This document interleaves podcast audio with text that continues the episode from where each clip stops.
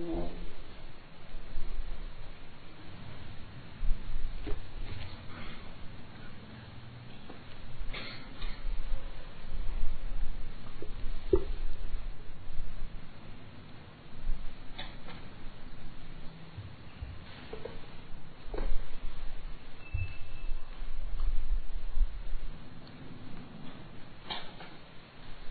الله الرحمن الرحيم.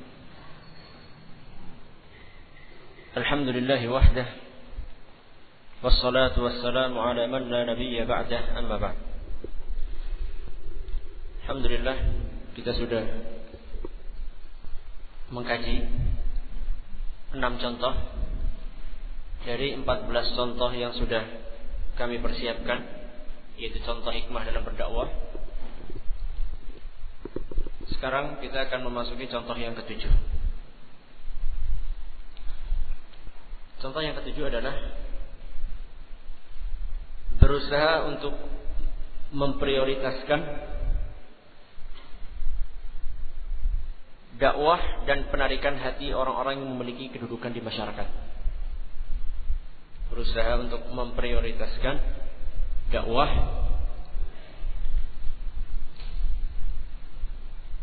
orang-orang yang memiliki kedudukan di masyarakat, entah itu pejabat, entah itu orang yang berilmu. Banyak sekali contoh dari praktek Nabi Shallallahu Alaihi Wasallam di dalam kehidupannya yang menunjukkan akan hal ini. Sebelumnya kita akan bawakan dari Al-Quran. Ketika Allah Subhanahu Wa Taala mengutus Nabi Musa dan Nabi Harun untuk menemui Fir'aun. Yang mana Fir'aun saat itu adalah pembesar atau orang yang memiliki kedudukan di masyarakatnya karena dia adalah seorang raja. Maka apa yang dikatakan oleh Allah Subhanahu wa taala kepada Nabi Musa dan Nabi Harun? Idhaba ila fir'auna innahu tagha. Wahai Musa dan Harun, pergilah kamu menemui Fir'aun karena sesungguhnya dia sudah melampaui batas setelah Nabi Musa dan Nabi Harun diutus oleh Allah Subhanahu wa taala untuk pergi ke ke Raja Firaun dan sudah dikasih tahu kenapa kok disuruh pergi yaitu karena Firaun sudah melampaui batas. Apa yang sudah dikerjakan Firaun? Dia sudah mengatakan ana rabbukumul a'la. Dia sudah mengatakan bahwasanya saya adalah Tuhan kalian yang paling tinggi. Berarti enggak gemen-gemen. Sudah ngaku sebagai apa? Tuhan. Tapi apa kata Allah Subhanahu wa taala? Faqula lahu qawlan layyina. Pergilah ke Firaun tapi sampaikanlah dakwah ini dengan kata-kata yang lembut. Mengapa? Apa hikmahnya? Hikmahnya ada pada selanjutnya la'allahu yatadzakkaru aw yakhsha. Bisa jadi siapa tahu Firaun itu mau apa? Mau mengingat dan dia mau takut kepada Allah. Padahal sebenarnya Allah Subhanahu wa taala sudah menulis di Lauhul Mahfuz, Firaun itu nggak akan apa? Nggak akan beriman. Allah sudah tahu bahwasanya Fir'aun nggak akan beriman. Tapi meskipun demikian, Allah Subhanahu wa taala tetap memerintahkan Nabi Musa dan Nabi Harun untuk berkata dengan kata-kata yang lemah lembut kepada seorang yang memiliki kedudukan di masyarakatnya, yaitu Firaun. Praktek dari kehidupan Nabi Shallallahu Alaihi Wasallam banyak.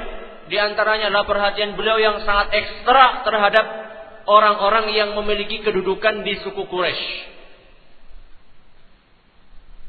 Bahkan ketika Rasul Shallallahu Alaihi Wasallam pergi ke Taif, pertama kali yang beliau cari adalah orang-orang yang memiliki kedudukan di sana.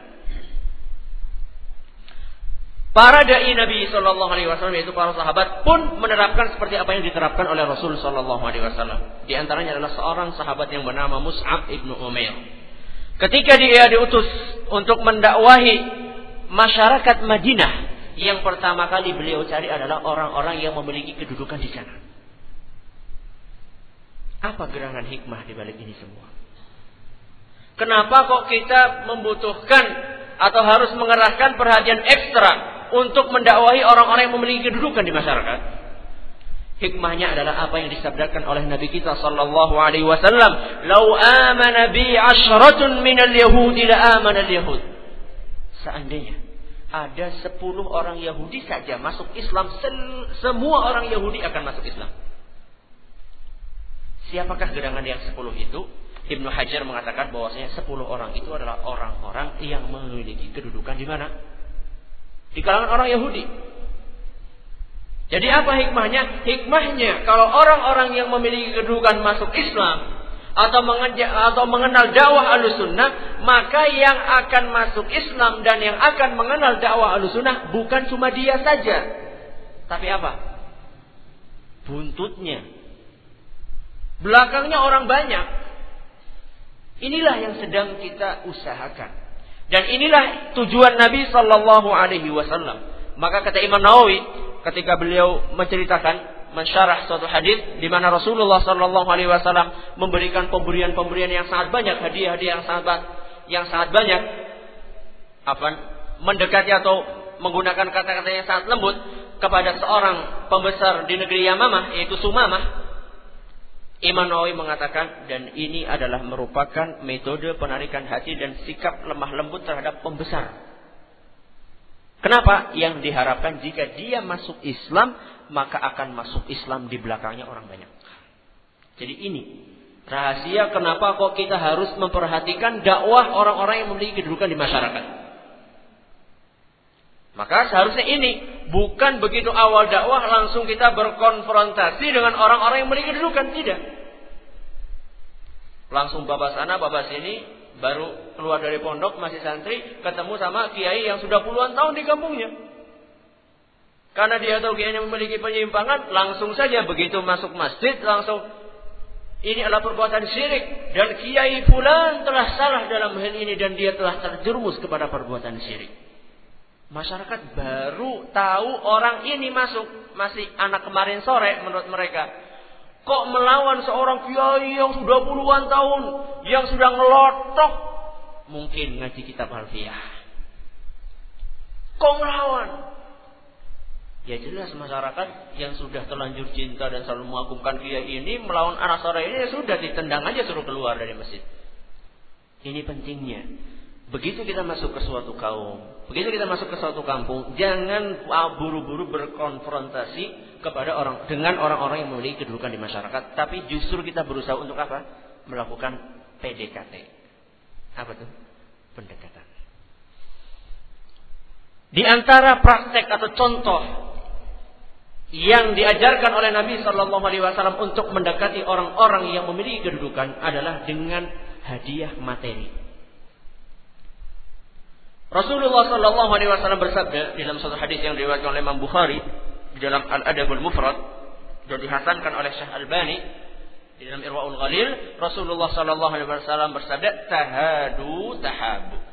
Salinglah kalian memberikan hadiah niscaya kalian akan saling apa? Saling mencintai. Bahkan di dalam Al-Qur'an dikatakan bahwasanya sedekah atau zakat salah satu golongan yang berhak untuk menerima zakat adalah untuk menerima zakat adalah siapa wal muallafati qulubuhum dan orang-orang yang diharapkan dia akan apa? akan masuk ke Islam atau diharapkan dia akan mengenal ajaran Ahlussunnah wal Jamaah. Dan prakteknya adalah ketika Rasulullah Sallallahu Alaihi Wasallam memberikan suatu pemberian yang sangat besar kepada seorang yang bernama Safwan ibnu Umayyah. Suatu ketika setelah selesai peperangan, Rasulullah SAW memanggil Safwan ibnu Umayyah Kemudian dia memberikan apa? Memberikan 100 ontak kepada Sofwan. Enggak cukup, tambah lagi 100. Berapa? 200. Enggak cukup, tambah lagi 100, 300 ontak. Kalau satu onta satu juta, satu juta, atau bukan satu juta, satu onta dua dua setengah juta. Kalau satu onta dua setengah juta, berarti sudah berapa duit yang dikeluarkan Rasulullah SAW?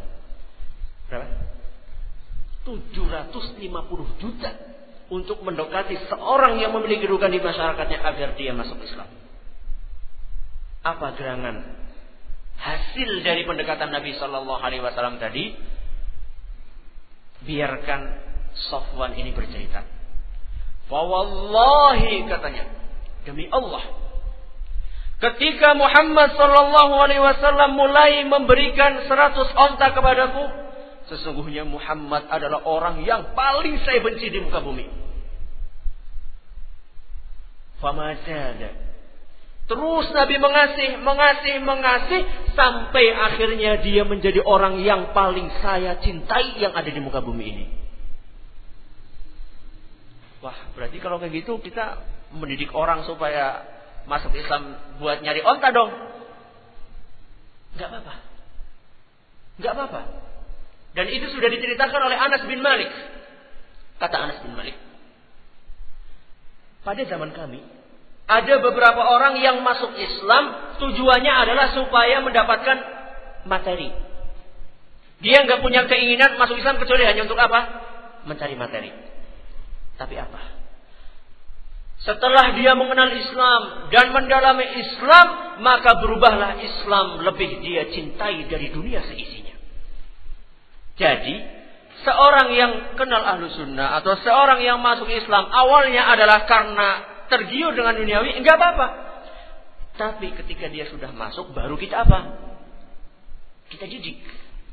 Supaya tadi seperti Anas, seperti apa yang diceritakan oleh Anas Ibnu Malik radhiyallahu anhu. Wah, kalau kayak gitu kita nggak punya dong 750 juta. Duit dari mana tuh 50 juta? Buat makan aja susah. Loh, siapa bilang kita harus ngeluarin duit 750 juta? Anak juga nggak punya 750 juta. Jadi yang hal-hal yang kecil-kecil aja. Misalnya, kita punya atau masak lah kesyukuran misalnya atau masak apa masak daging atau apa kasihlah tetangga itu sedikit dari daging tersebut. Itu pemberian. Dengan itu kita bisa melakukan pendekatan kepada orang-orang tersebut. Atau misalnya kita baru bepergian jauh. Misalnya dari Jogja. Antum mau pulang ke daerah Sumatera misalnya Lampung. Dari Jogja kuliah di Jogja. Ketika pulang ke Lampung bawalah oleh-oleh apa kayak bapia paso kayak atau apa. Bawa pulang kasih kepada orang-orang yang akan antum dakwahi. Gak mesti harus duit, bisa berwujud makanan. Yang penting itu bukan harganya. Kadang-kadang orang tuh melihat, oh masya Allah orang ini kok menghormati ana ya, meskipun itu hanya berwujud babi apa toh. Nah yang seperti ini, seseorang kalau sudah kita beri hadiah untuk mengatakan tidak, itu susah. Contohnya, anak misalnya dari Madinah, pulang dari Madinah anak bawa minyak wangi misalnya untuk seorang kiai yang ada di kampung anak. Anak setelah pulang, anak silaturahmi misalnya, anak silaturahmi, anak bawa minyak wangi, anak bawa zam-zam, anak bawa kurma, semampu anak anak kasihkan. Besoknya, kalau misalnya anak berpendapat dengan pendapat yang beda dengan dia di hadapan dia, dia akan susah untuk membantah anak. Karena, aduh nggak enak dong kalau mau bantah. Kemarin udah dikasih apa? Udah dikasih minyak wangi. Sekarang bantah kan nggak enak. Mungkin ada yang mengatakan, ah itu kan nggak enak aja, nggak apa-apa dia nggak suka, dia sebenarnya nggak suka sama kita. Dia diam itu bukan karena setuju dengan pendapat kita, cuman karena dia apa? Karena dia nggak enak aja. Kita katakan itu sudah keuntungan yang luar biasa. Diamnya dia nggak bantah kita, itu udah keuntungan yang luar biasa. Siapa tahu nanti besok-besoknya dia akan mulai berpikir. Jadi ini adalah salah satu contoh hikmah dalam berdakwah memperhatikan dakwah atau memprioritaskan dakwah orang-orang yang memiliki ke kedudukan. Contoh yang kedelapan,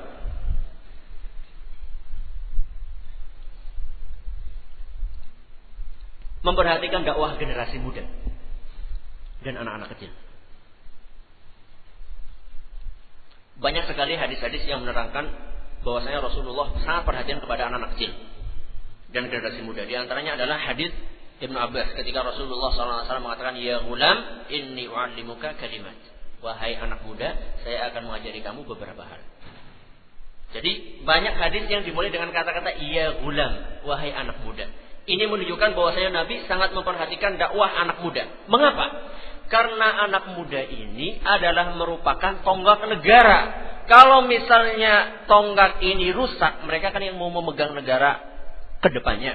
Kalau misalnya ini rusak, maka negara pun akan sedemikian rupa. Kalau kebalikannya mereka baik, insya Allah pun negara akan baik. Ini yang pertama. Yang kedua, kita berusaha untuk memperhatikan dakwah anak-anak muda. Karena rata-rata mereka itu lebih mudah untuk didakwahi. Dan itu sudah rahasia umum. Sampai-sampai kadang-kadang kalau kita sudah jengkel, dakwai orang tua, bukan orang tua kita, orang apa? Ya orang-orang tua tua yang di kampung-kampung. Wah, ini susah banget. Ini kayaknya tinggal nunggu aja kapan dia menjadi apa? Karena udah kok susah banget nih orang nih dakwahinya. Nah, inilah jadi orang tua, orang yang sudah tua, Maaf kalau misalnya ada yang sudah tua di sini. Orang yang sudah tua itu kadang-kadang susah. Karena dia udah merasa ini adalah saya udah lebih umur. Umur saya udah lebih banyak. Kemudian saya udah lebih banyak makan asam garam. Memang dia lebih banyak makan asam garam, benar. Kemudian dia juga merasa bahwasanya uh, saya lebih pintar. Dan dia lebih memikirkan bagaimana nanti anak sama tetangga, bagaimana anak nanti sama ini, sama anu, sama ini. Sebenarnya banyak di antara orang-orang tua yang dia sudah nerima. Cuman karena takut dikucilkan sama masyarakat, akhirnya dia nggak nerima. Beda dengan anak muda. Anak muda dia nggak tahu perhatian dengan masalah-masalah seperti itu. Maka ini penting sekali untuk mendakwahi anak-anak muda dan juga termasuk anak-anak kecil. Ketika kita tahu yang kita dakwahi adalah anak muda, kita pun harus mengenal bahwasanya dunia anak muda itu beda sama dunia orang tua. Artinya apa? Artinya bahasa kita pun usahakan disesuaikan dengan bahasa mereka. Ketika kita ngajari anak TPA, nggak mungkin kita akan sama bahasanya kayak ngajari orang mahasiswa. Nggak mungkin. Nggak usah pakai sisi-sisian. Ini nggak mungkin kita akan mengajari seperti itu anak-anak TPA. Bahkan ketika kita tahu bahwasanya anak-anak kecil mereka adalah orang-orang yang masih gemar bermain dan dongeng, maka kita pun menyesuaikan. Jadi dikira nggak boleh bermain, boleh bermain sama anak-anak kecil. Bermain dengan mereka. Bahkan seandainya kita memiliki suatu kelebihan, misalnya kita memiliki kelebihan misalnya dalam hal kungfu misalnya. Gak apa-apa kita mulai ajar mereka kungfu. Ada salah satu ustaz, masya Allah ya, di daerah Sumatera, emang dia ahli kungfu. Ketika dia belajar di Madinah, dia itu bukan hanya mengajari teman-temannya, tapi dia juga mengajari tentaranya Saudi kungfu. Gak macam-macam, kelas berat, ngajarnya tentara. Jadi ketika dia pulang, dia subhanallah memanfaatkan betul keistimewaan yang dia miliki. Jadi dia kumpulkan pemuda-pemuda yang masih pakai apa? Pakai tato-tato, pakai rambutnya gerondong eh, apa? Panjang-panjang, kemudian apa namanya? Ya pokoknya dia berusaha lah. Berusaha untuk mendekati pemuda-pemuda yang barangkali kita untuk senyum aja kayaknya susah deh. Tapi enggak, dia deketi. Dia deketi, kemudian diajak untuk apa? Diajak untuk latihan kungfu. Nah, ketika akan mulai kungfu, dia sedikit memasukkan tauhid, sedikit aja. Setelah itu udah suatu ketika diajak misalnya kan capek kan misalnya diajak misalnya main ke laut di sana sambil kungfu diselingi dengan pengajaran masalah tauhid. Dan subhanallah buahnya sangat manis. Orang-orang yang awalnya kung, uh, awal awalnya apa? Tatoan awalnya rambutnya gondrong dan lain sebagainya subhanallah menjadi mereka menjadi kenal akan dakwah sunnah wal jamaah. Jadi bisa kita memanfaatkan keistimewaan-keistimewaan yang Allah berikan kepada kita jadi nggak aib kalau misalnya ada ustadz main bola sama orang-orang kampung nggak aib. Main pingpong sama orang kampung nggak aib. Kecuali ustadznya pakai celana pendek. Itu aibnya di celana pendeknya bukan di main bolanya. Jadi boleh. Dan itulah kadang-kadang kita merasa atau sebagian dari itu seakan-akan ada jarak dengan anak-anak muda. Dan ini sebenarnya keliru. Sempatkah kita kalau misalnya akan ke masjid, kemudian ada anak-anak muda lagi main gitar, lagi main gaple di posis kamling di jalan menuju ke masjid? Pernahkah kita sambil lalu mengucapkan Assalamualaikum Mungkin kita untuk senyum aja susah. Kayaknya ngelihat kayak kayak kayak tiang, jalannya lurus aja. Kayak nggak ada orang di samping kanan kiri. Padahal ada seorang ustadz yang dia itu kayak gitu ceritanya kayak gitu. Jadi sama ketika akan ke masjid di situ orang apa? Nongkrong melulu. Setiap sholat nongkrong di situ. Dan setiap ustadz ini lewat selalu mengucapkan Assalamualaikum. Itu sebulan, dua bulan, setahun, dua tahun sampai akhirnya suatu hari orang yang biasa nongkrong itu pergi ke masjid. Akhirnya ketemu sama anaknya, anaknya Ustaz tadi. Anak tuh sebenarnya ke masjid itu malu. Masa tiap hari disalamin anak nggak nggak ke masjid? Wah berarti malunya, berarti sholatnya karena karena ini dong, karena manusia dong. Nggak apa-apa. Nanti ketika dia sudah megang atau sudah mau mencium bau masjid, baru kita didik. Baru kita didik, kita ajarkan bahwa kita harus ikhlas dalam beribadah dan seterusnya. Sebagaimana tadi yang diceritakan oleh Anas ibnu Malik radhiyallahu anhu. Termasuk dongeng, nggak apa-apa. Ketika kita berhadapan dengan anak kecil kita berdongeng. Asalkan dongengnya bukan fiksi, meskipun ada sebagian orang yang sekarang mulai mengutak-utik. Dikiranya ini adalah nggak apa-apa, enggak. Masih banyak dongeng-dongeng yang bisa kita pakai dongeng kalangan sahabat, kalangan Nabi Shallallahu Alaihi Wasallam, dan kita juga dongengnya nggak apa-apa dengan kata-kata yang lebih mudah dipahami oleh anak-anak. Meskipun jangan sampai pakai dongeng fiksi, karena ada sebagian orang yang kehabisan kehabisan apa? Kehabisan eh, materi, kehabisan bahan. E, ceritanya ada seorang ustadz TPA yang menceritakan kisahnya Nabi Musa kepada anak TPA ceritakan pertama bagaimana Nabi Musa dengan Nabi Fir'aun. Sampai akhirnya puncaknya, kata guru TPA tadi, eh, Nabi Musa ini dikejar-kejar sama Fir'aun. Kejar-kejar Fir'aun dengan kuda, Nabi Musa dengan apa? Udah lari aja. Sampai ketemu jalan buntu yaitu laut. Gimana gerangan wahai anak-anak yang terjadi di belakang ada Fir'aun, di depan ada apa? Ada laut. Apakah yang kira-kira terjadi anak-anak? Jadi kan dia ingin apa? Ingin membuat anak-anak penasaran. Ternyata ada salah seorang anak yang pernah baca kisah itu. Dia mengatakan, ah itu paling cuma mukul apa namanya? Pukul laut, kebuka, lari, selamat dong. Pusat ini, wah. Gak bisa, anak gagal anak bikin anak ini pernah penasaran. Akhirnya apa? Dia mengarang cerita. Enggak, enggak kayak gitu katanya.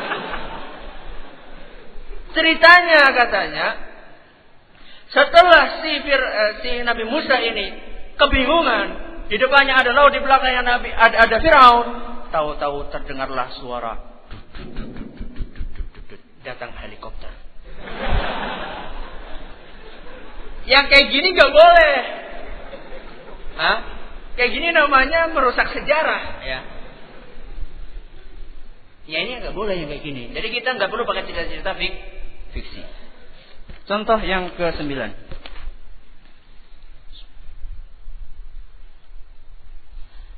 Menerapkan skala prioritas dalam mengingkari kemungkaran. Menerapkan skala prioritas dalam mengingkari kemungkaran.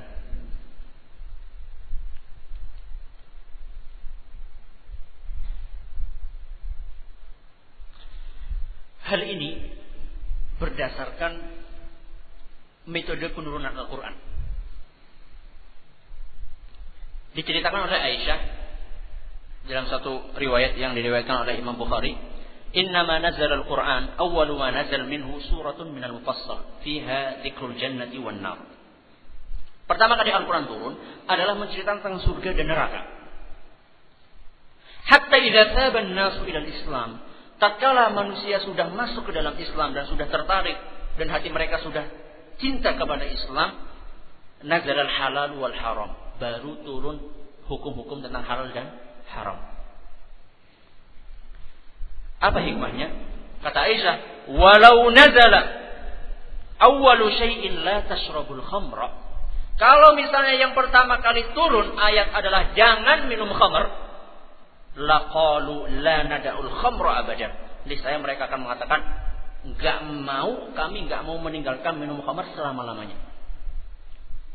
Kemudian kata Aisyah, walau walau nazara la taznu laqalu la nada'u zina abadan.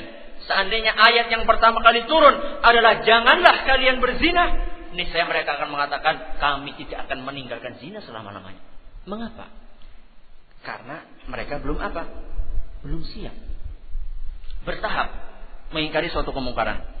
Jadi seandainya kita hidup di suatu masyarakat yang mana yang mana masyarakat itu di situ menjamur yang namanya bid'ah dan syirik. Maka bukan merupakan hikmah ketika kita mulai memperingatkan masyarakat dari perbuatan-perbuatan bid'ah misalnya dari peringatan maulidan. Padahal kita belum memperingatkan masyarakat dari perdukunan. Bukan merupakan hikmah seperti ini. Dan juga bukan merupakan hikmah seandainya di satu masyarakat di situ tersebar maksiat dan kekufuran. Bukan merupakan hikmah kita mulai mengingkari kemaksiatan yang ada di masyarakat. Misalnya kita di lihat ada orang nyanyi, ada orang tabarruj wanita buka-bukaan. Kita lihat di situ ada macam-macam ada yang isbal, ada yang membuka aurat dan sebagainya. Bukan merupakan hikmah kita mengingkari maksiat-maksiat ini padahal di situ masih ada perbuatan-perbuatan kufur. Contohnya mereka masih percaya-percaya horoskop misalnya atau masih percaya yang namanya ramalan bintang. Bukan merupakan hikmah sebelum kita mengingkari yang ini kita mengingkari yang maksiat-maksiat tadi. Kenapa? Karena kita berusaha menyelamatkan masyarakat dari perbuatan-perbuatan yang menjadikan mereka kekal di dalam neraka sebelum menyelamatkan mereka dari perbuatan-perbuatan maksiat yang tidak menyebabkan mereka kekal di neraka. Lebih penting mana? Menyelamatkan orang supaya nggak masuk ke neraka selama-lamanya atau menyelamatkan orang dari hal-hal yang akan memasukkan dia ke neraka tapi nggak selama-lamanya. Lebih penting mana? Yang pertama. Ini adalah merupakan salah satu hikmah di dalam berdakwah.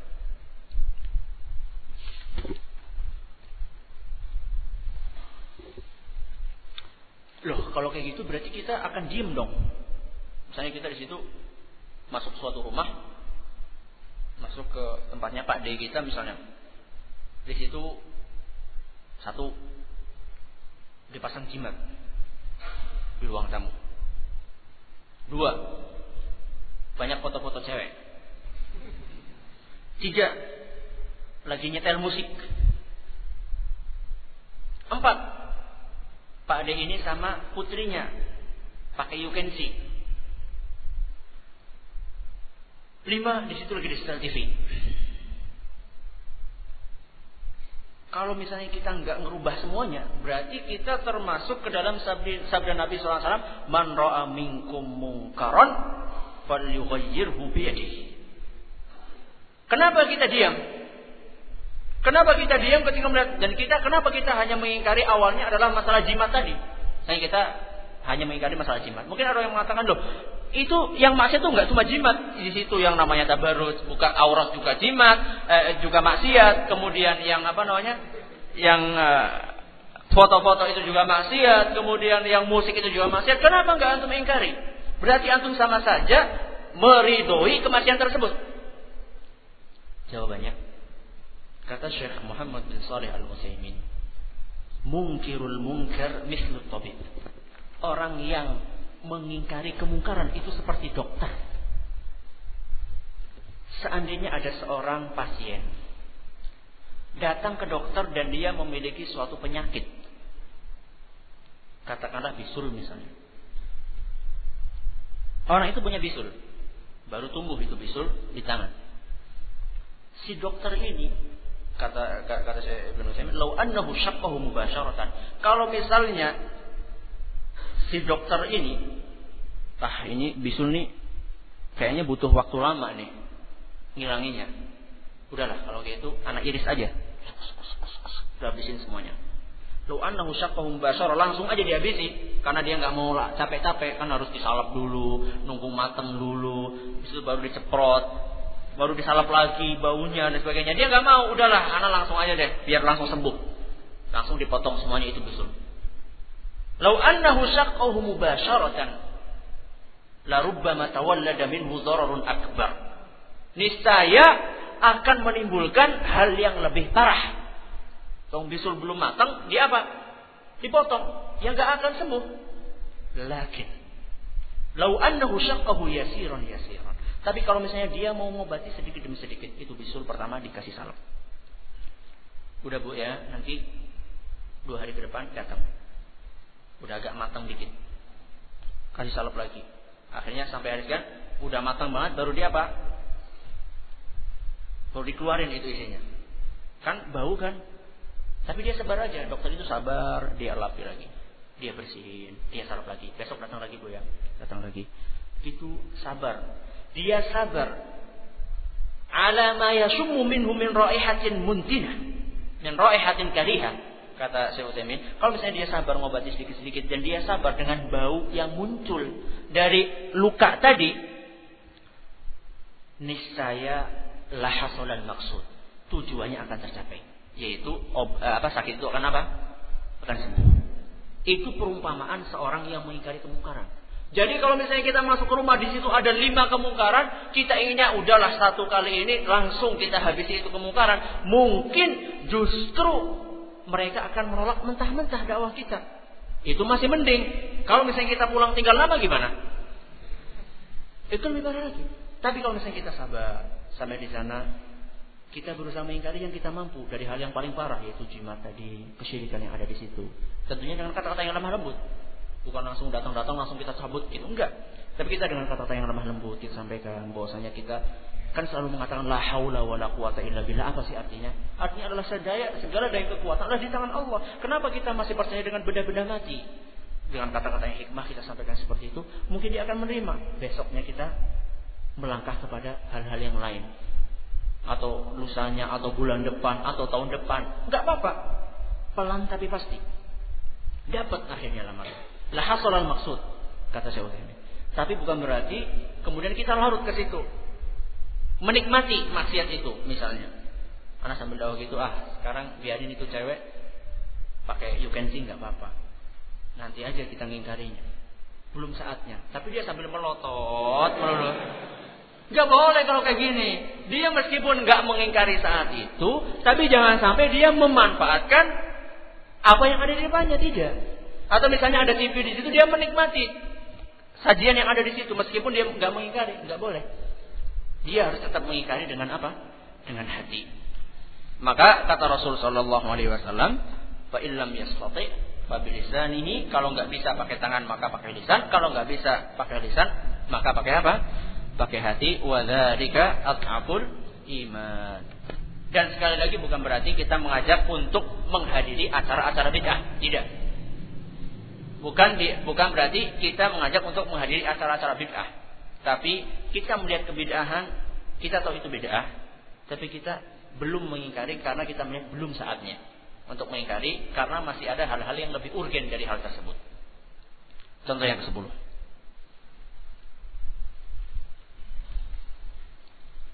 ketika membantah ahlul bid'ah seharusnya kita membantah dengan ilmu dan dalil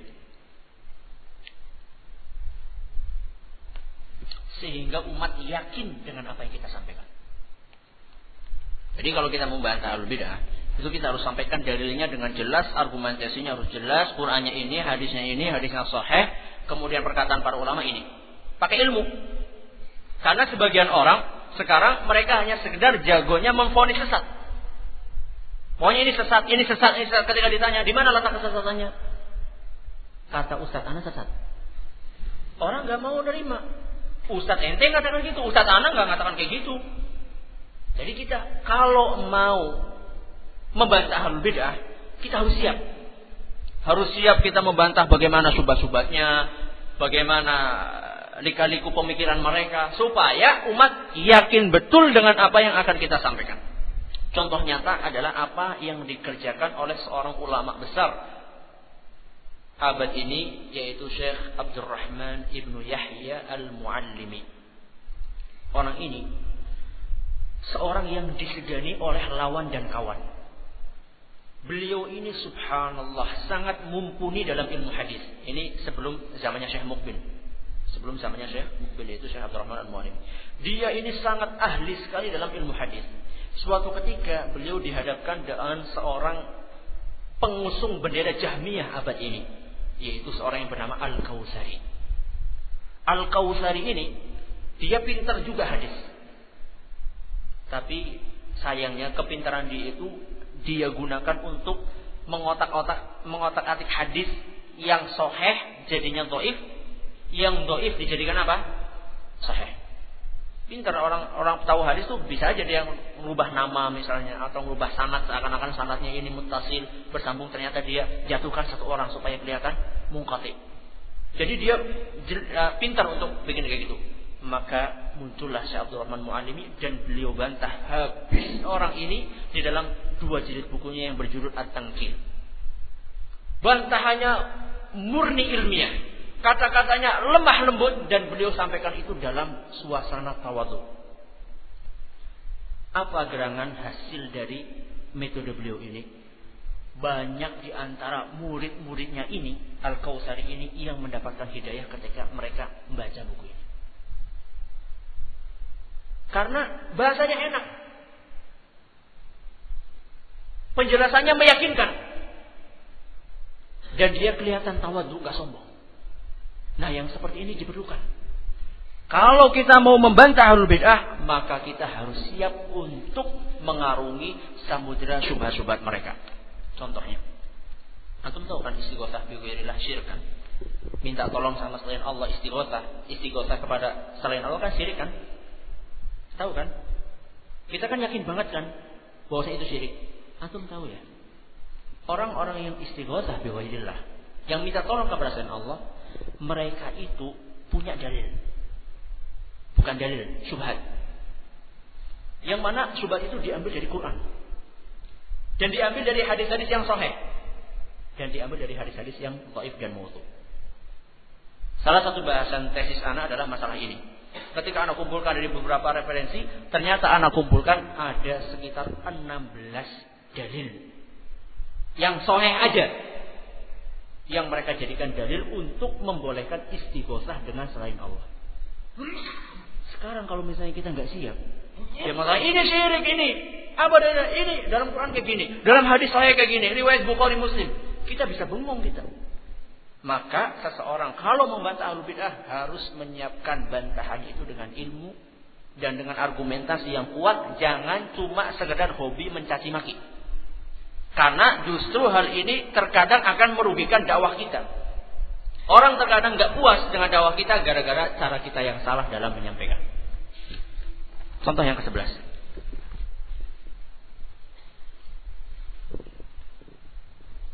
Di saat mentahdir dari ahlul bidah yaitu menjelaskan kesesatan mereka tidak harus kita terang-terangan menyebutkan nama orang atau kelompok. Kalau tidak dibutuhkan. Ketika kita mentahdir dan beda, tidak harus kita itu menyebutkan terang-terangan bahwasanya kelompok anu sesat atau fulan sesat. Nggak harus kalau nggak dibutuhkan. Pertama, saya ingin membahas tahdir. Tahdir sebagian orang ada yang hobi dengan atau nggak suka dengan kata-kata ini tahdir itu merupakan suatu amalan yang disyariatkan di dalam agama Islam. Anda sebutkan dari dalilnya di sini, nanti antum merujuk di sini Quran maupun hadis dan perkataan para ulama ada di sini. Dan mungkin antum nanti bisa buka di musim Oraid ada tulisan anak di sana yang berjudul atau enggak tahu udah dimasukkan atau belum yang berjudul upaya menjaga kemurnian syariat. Upaya menjaga kemurnian syariat e, menyoal tahdir dan norma-normanya. Di situ Anda sebutkan perkataan-perkataan ulama yang mereka semuanya mulai dari zaman doe loe kala sampai sekarang itu mereka memperhatikan yang namanya tahdir. Baik itu kepada perorangan maupun kepada kelompok. Cuman yang jadi pertanyaan, apakah setiap kita mentahdir itu harus menyebutkan nama secara terang-terangan mengidentifikasi siapa yang kita tahdir? Ataukah cukup terkadang kita hanya menyebutkan kesalahannya tanpa terang-terangan menyebutkan namanya? Terkadang kalau memang dibutuhkan kita sebutkan, kalau tidak dibutuhkan kita tidak perlu menyebutkan. Kapan kita menyebutkan? Contohnya adalah seandainya umat tidak paham apa yang kita maksud. Kita ngomong panjang lebar inginnya membantah apa? Satu kelompok. Tapi umat itu kalau nggak dikatakan ini adalah kesalahannya kelompok A, mereka nggak paham dan masih menganggap bahwasanya ini adalah ya kelompok ya teman-teman kita aja, sama aja mereka sama kayak kita. Kalau kita nggak identifikasi orang eh, yang memiliki kesalahan adalah si A atau kelompok A, umat ini nggak paham, maka saat itu kita diperintahkan untuk menyebutkan nama. Tapi seandainya umat sudah paham, tanpa kita sebutkan apa namanya, nama kelompok atau nama person, mereka sudah paham dan justru kalau misalnya kita sebutkan nama tersebut, mereka justru akan nggak mau nerima apa yang kita sampaikan. Karena dia sudah terlanjur mengagungkan tokoh itu, maka saat itu bukan merupakan hikmah kita memaksakan diri untuk menyebutkan terang-terangan orang yang dibantah. Dan ini disebutkan oleh Syekh bin Bas. Dan juga Syekh Utsaimin dan juga Syekh Abdul Malik Ar-Ramadhani. Semuanya perkataan yang saya sampaikan di sini. Dan juga Syekh Rabi. Bahkan saya akan bawakan kisah nyata Kisah nyata bagaimana keberhasilan dakwah Syekh Robi ketika beliau pergi ke negeri Sudan. Azan. Azan. Azan Isa.